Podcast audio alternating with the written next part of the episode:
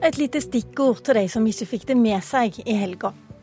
Og kjære venner, fire år med sentralisering. Sentralisering hadde gjort for dagens sentraliseringsregjering. Sentralisering, sentralisere, sentralisering. Sentraliserer, sentralisering. Sentralisering, sentralisering. Det er nok. Men eh, speil, speil på veggen der, hvem er sentraliseringsversting i landet her? I hvert fall ikke denne regjeringen, mener denne regjeringen. Senere i Politisk kvarter skal vi få besøk av Bård Vegar Solhjell, som har skrevet bok om uroen han tar med seg ut av Stortinget. Men vi starter altså med en annen uro. og den som har hørt starten, fikk kanskje en antydning. For eh, Jon Georg Dale, landbruksminister fra Frp, du er bekymra for det sentraliseringsstempelet Senterpartiet gir denne regjeringen. Hvorfor det? Er det sånn at du bestrider at sentralisering foregår, eller bestrider du at det er så ille som det Vedum vil ha det til?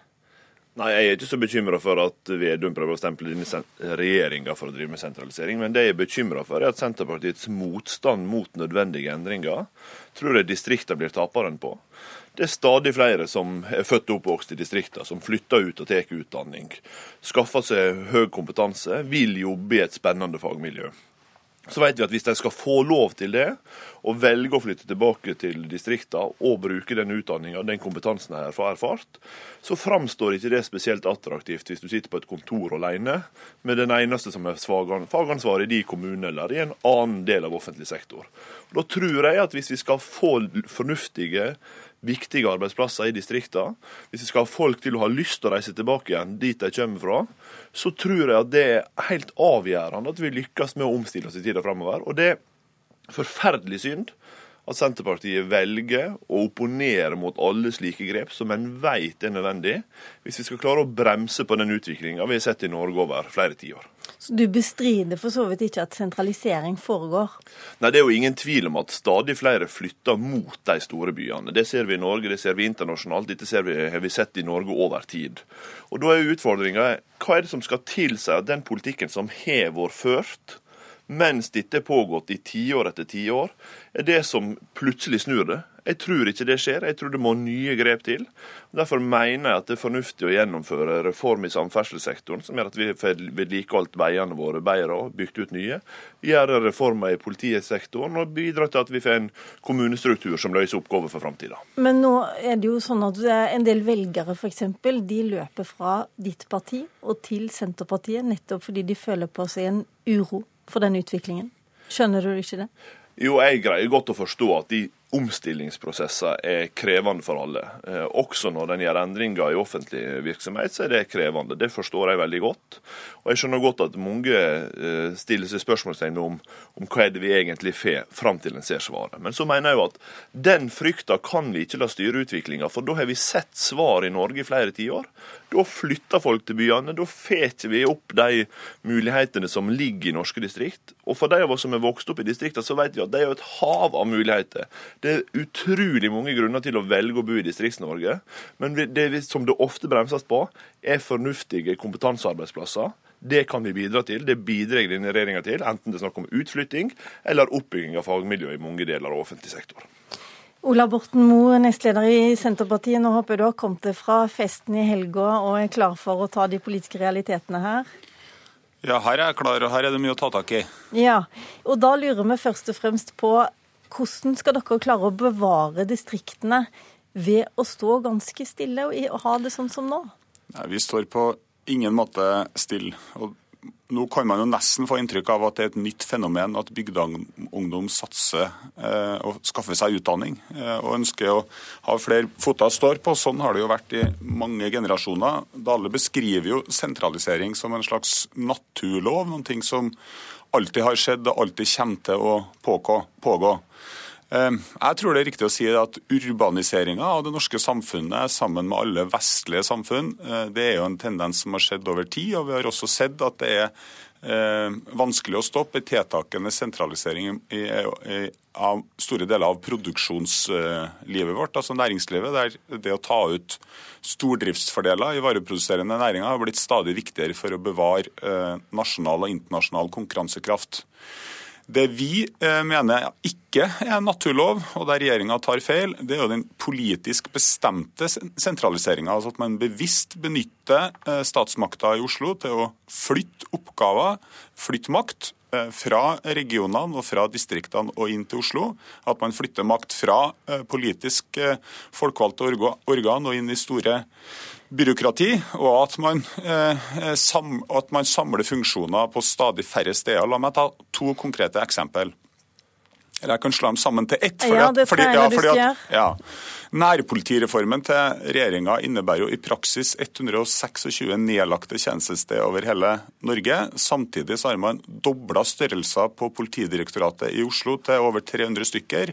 Og før helga som kom nyhetene om at Dales regjering bruker 12 milliarder i året på å kjøpe konsulenttjenester til Ernst Young og Price Waterhouse Coopers. Det er like mye penger som vi bruker på å støtte opp under matproduksjon eh, i Norge. Og kanskje burde man brukt noen flere kroner kroner på dem som produserer mat til 150 kroner timen, istedenfor konsulenter i Oslo til 2500-3000 kroner okay, timen. La oss ta tak i det siste først. Senest i dag så er bønder ute i nasjonen reagerer på at det er 85 millioner mindre til bønder på, i, i, tilskudd til bønder på Vestlandet og, og i Nord-Norge. Kanskje de pengene kunne gått der framfor til alle disse konsulentene, Dale? Det viktige nå er at jeg er alltid mer opptatt av resultat av politikk enn retorikk. Og resultatene i landbrukspolitikken nå er at inntektene vokser mer under denne regjeringen enn under Senterpartiet i regjering. Færre bønder legger ned under Senterpartiet i regjering. Mindre, flere bruk eh, eller arealer blir holdt oppe i større grad enn under forrige regjering. Så jeg mener at eh, vi har ikke noe å skjemmes for på det området. Tvert imot så viser landbrukspolitikken eh, også at vi styrker distriktene. Og det, det som er viktig å huske på, det er at Senterpartiet er på sitt beste når de tar distriktsbefolkninga på alvor. Men Senterpartiet er også på sitt dårligste når de tror at hvis vi bare lar være å gjøre endringer, så klarer vi likevel å løse utfordringene. Utfordringa for distriktspolitiet var at politifolk jobba mandag til fredag mellom åtte og fire. I altfor stor grad. Det er flere eh, aktører vist over tid. Og det er utfordringa. Vi er nødt til å gjøre grep som gjør at politifolk er på jobb den tida kriminaliteten foregår. Og da er spørsmålet, Når Senterpartiet er mot nærpolitireformen, når de er mot kommunereformen, når de er mot reformer i samferdselssektoren, hvor lenge tror egentlig Senterpartiet at denne motstanden vil nytte? Hvor lenge tror de det går før de faktisk er nødt til å gjøre nye grep? Jeg tror de foregner seg. Jeg har lyst til å spørre Borten Moe, fordi at eh, spørsmålet er jo hva er deres alternativ til alle disse reformene som dere er imot? Og det dere i hvert fall har vedtatt, i motsetning til de reformene eller de endringsforslagene du var i Politisk kvarter snakka om i forrige uke, Borten Moe, om elbil og innføring av skolepenger for utenlandske studenter, så fikk du altså flertall for en tillitsreform som eh, jeg er litt usikker på hva det egentlig betyr.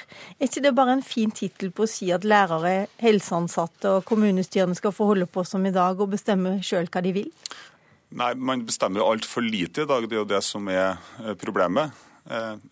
En veldig stor andel av den tida en eh, lærer bruker, eller en doktor eller en sykepleier, går jo til å dokumentere og til å dokumentere det man driver på med, og rapportere det oppover i systemet. Og Det er tillitsreformen vi er nødt til å ha istedenfor å legge til grunn at man skal måle og rapportere og kontrollere og sammenligne, som krever både veldig mye tid og et veldig stort statsbyråkrati på toppen, så må vi ha tillit til at folk faktisk ønsker å gjøre en god jobb der de er, og så må vi måle det aller mest nødvendige. Og Det ville ha vært vårt alternativ i i vårt alternativ innenfor politi- og justissektoren Legg ned Politidirektoratet, flytte den nødvendige samordninga inn i Justisdepartementet sånn som det var før, og så bruk pengene ut i distriktene altså politidistriktene ut i landene der folk bor, og sørge for at det er tilstedeværelse av politi over hele helga. Men trenger du en tillitsreform for å si at de skal få bestemme sjøl? Ja, du må nesten gjøre det. fordi at hvis vi skal fortsette sånn som i dag, og sånn som denne regjeringa har forsterka gjennom hele fireårsperioden, så,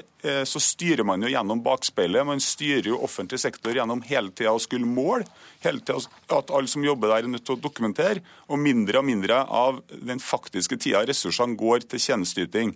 Nå, nå sier Dale at, at Eh, at vi er nødt til å legge ned tjenestested for å ha tilstedeværelse av politi. Vel, det er jeg veldig usikker på. Det som har skjedd der jeg bor, det er at Heimdal politistasjon, som ligger i Trondheim, den skal dekke området mellom Heimdal og Hjerkinn, og Heimdal og Tynset i helgen.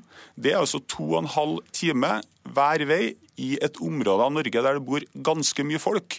Dette her er ikke tilstedeværelse. Eh, Dale, jeg har lyst til å spørre deg mot slutten her nå. Eh, det er vel sånn at din iver etter sentralisering av f.eks. store bruk også gir deg problemer i landbrukspolitikken. Du har en jordbruksmelding som er utsatt og utsatt igjen fordi KrF og, og Venstre stopper det min iver etter å få gjort reformer også i landbrukssektoren, som gjør at bøndene får produsert mer mat i Norge, som har vært et felles politisk mål for samtlige partier over tid.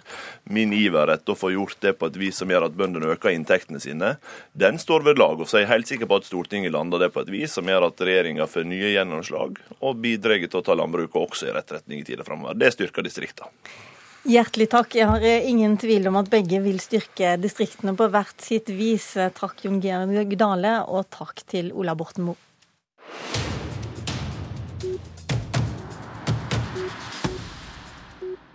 Og velkommen til Bård Solhjell. Du har vært partisekretær i SV, kunnskapsminister, miljøminister og de siste fire årene medlem i utenrikskomiteen. Nå går du ut av Stortinget og politikken med en uro, og det er også tittel på boka som kommer ut i dag. Du skriver om økende forskjeller, flyktningkrise og færre arbeidsplasser, og du sammenligner dagen i dag med 30-årene da din mm. bestefar levde. Da har du dratt et dystert bilde som på 30-tallet endte med krig. Er det der vi kan ende nå? Det er egentlig en ganske optimistisk bok, men det er jo åpenbare likhetstrekk. Det har ikke jeg oppdaga, for å si det sånn. Nei, eh, men eh, litt uro. Jeg tror man må forstå problemene før man kan eh, peke på løsningene. Det er likheter. Stor arbeidsløshet, land i Europa som går i autoritære retninger. Men jeg har veldig tro på at vi har en større evne til å slå det tilbake enn vi hadde den gangen. Og, og, jeg trekker jo inn min egen eh, familiehistorie og lar den være et bakteppe, for den endte jo òg med en flott framtid eh, for vår familie. Og jeg, jeg tror mennesker og politikken har evne til det i dag òg. Hvorfor må du skrive en bok om de store problemstillingene? Kan du ikke holde på med det i Stortinget? Jo, jo altså, det, jeg, det har vært fantastisk på Stortinget, men hvis jeg skulle si en ting jeg har mangla, så er det at politikken handler om det som er stort og viktig, og ikke bare om det som er ja, kanskje litt mindre og middels viktig. Jeg, eh, det siste utenriksdebatten i Stortinget, Børge Brende, siste gang i denne perioden kom for å få snakke om Trump og brexit og Europa og alt det som skjer rundt oss og er veldig viktig, så var det nesten ingen i salen og null journalister som hørte på. Eh, noen uker før det så var det ulvedebatt, og jeg deltok, for jeg er interessert i det. Men da måtte jeg avlyse en avtale om kvelden, fordi debatten tok hele dagen. Og det er klart, litt større oppmerksomhet om det, det som virkelig er stort, det er noe jeg savner i politikken. Men er ikke det fordi at man føler at man ikke får gjort noe med det? Jo, jeg tror at uh, politikken har så sterke rammer at mange politikere søker mot de små og konkrete tingene man kan få gjort noe med. Og så ligger vi unna å diskutere de mange tingene som over tid drar i en retning, og det som virkelig former samfunnet. Og jeg vil kanskje prøve å motvirke det litt. Men et dystert bilde du trekker opp i denne boka, eh, det er bl.a. Om, eh, om sysselsetting. At robotene kommer. Mm. Vi skal ikke forvente full sysselsetting lenger. Og da kommer du med et litt overraskende svar. Ikke generelt i samfunnet, men for en SV-er, nemlig borgerlønn. Hvorfor det? Jeg foreslår et forsøk med det, sånn som bl.a. Finland gjør en del av europeiske byer. Uh, og det er fordi at uh, vi det kan gå inn i en periode der mange flere står utenfor arbeidslivet. Da bør vi iallfall leite etter løsninger som er sånn at uh, alle i større grad kan være innafor, og, at ikke vi får et systematisk klasseskille. Det kan være en dårlig idé, fordi folk da ikke vil ha incitament til å jobbe. Men det er mange forskere som nå peker på det motsatte. Kanskje fører det faktisk til at eh, de i større grad vil jobbe litt, og at du kan bygge ned voldsomme skiller. Men det er egentlig hele ideen med boka mi er å prøve ut nye ideer og, og utfordre politikere nå til å ligge noen skritt foran de tøffe tidene som jeg tror vil eh, møte oss. Jeg tror politikk på det beste den prøver ut nye ideer når samfunnet endrer seg. På det verste så blir man stående fast i fortida. Og jf. den debatten vi har hatt, du trenger ikke så store reformer? Nei, altså, jeg, Eller er det jeg, jeg, det vi trenger? Jeg syns jeg har sett, altså, Vi kommer til å ha, få store endringer, jeg er for det. Men jeg syns ofte jeg har opplevd i politikken at du, man kaster inn en veldig stor endring uten egentlig å ha prøvd den ut i små skritt før. Jeg har blitt mer og mer tilhenger av å forsøke ting. Gjøre forsøk, forske på det, før man setter det ut i livet. Jeg tror vi med fordel kunne, noen av de store reformene vi har vært om i Norge, kunne gjort eh, det på den måten. Takk skal du ha, Bård Vegar Solhjell, og gratulerer med den nye boka di. Jeg må si takk for eh, oss også her i Politisk kvarter, som i dag var ved Lilla Sølhusvik.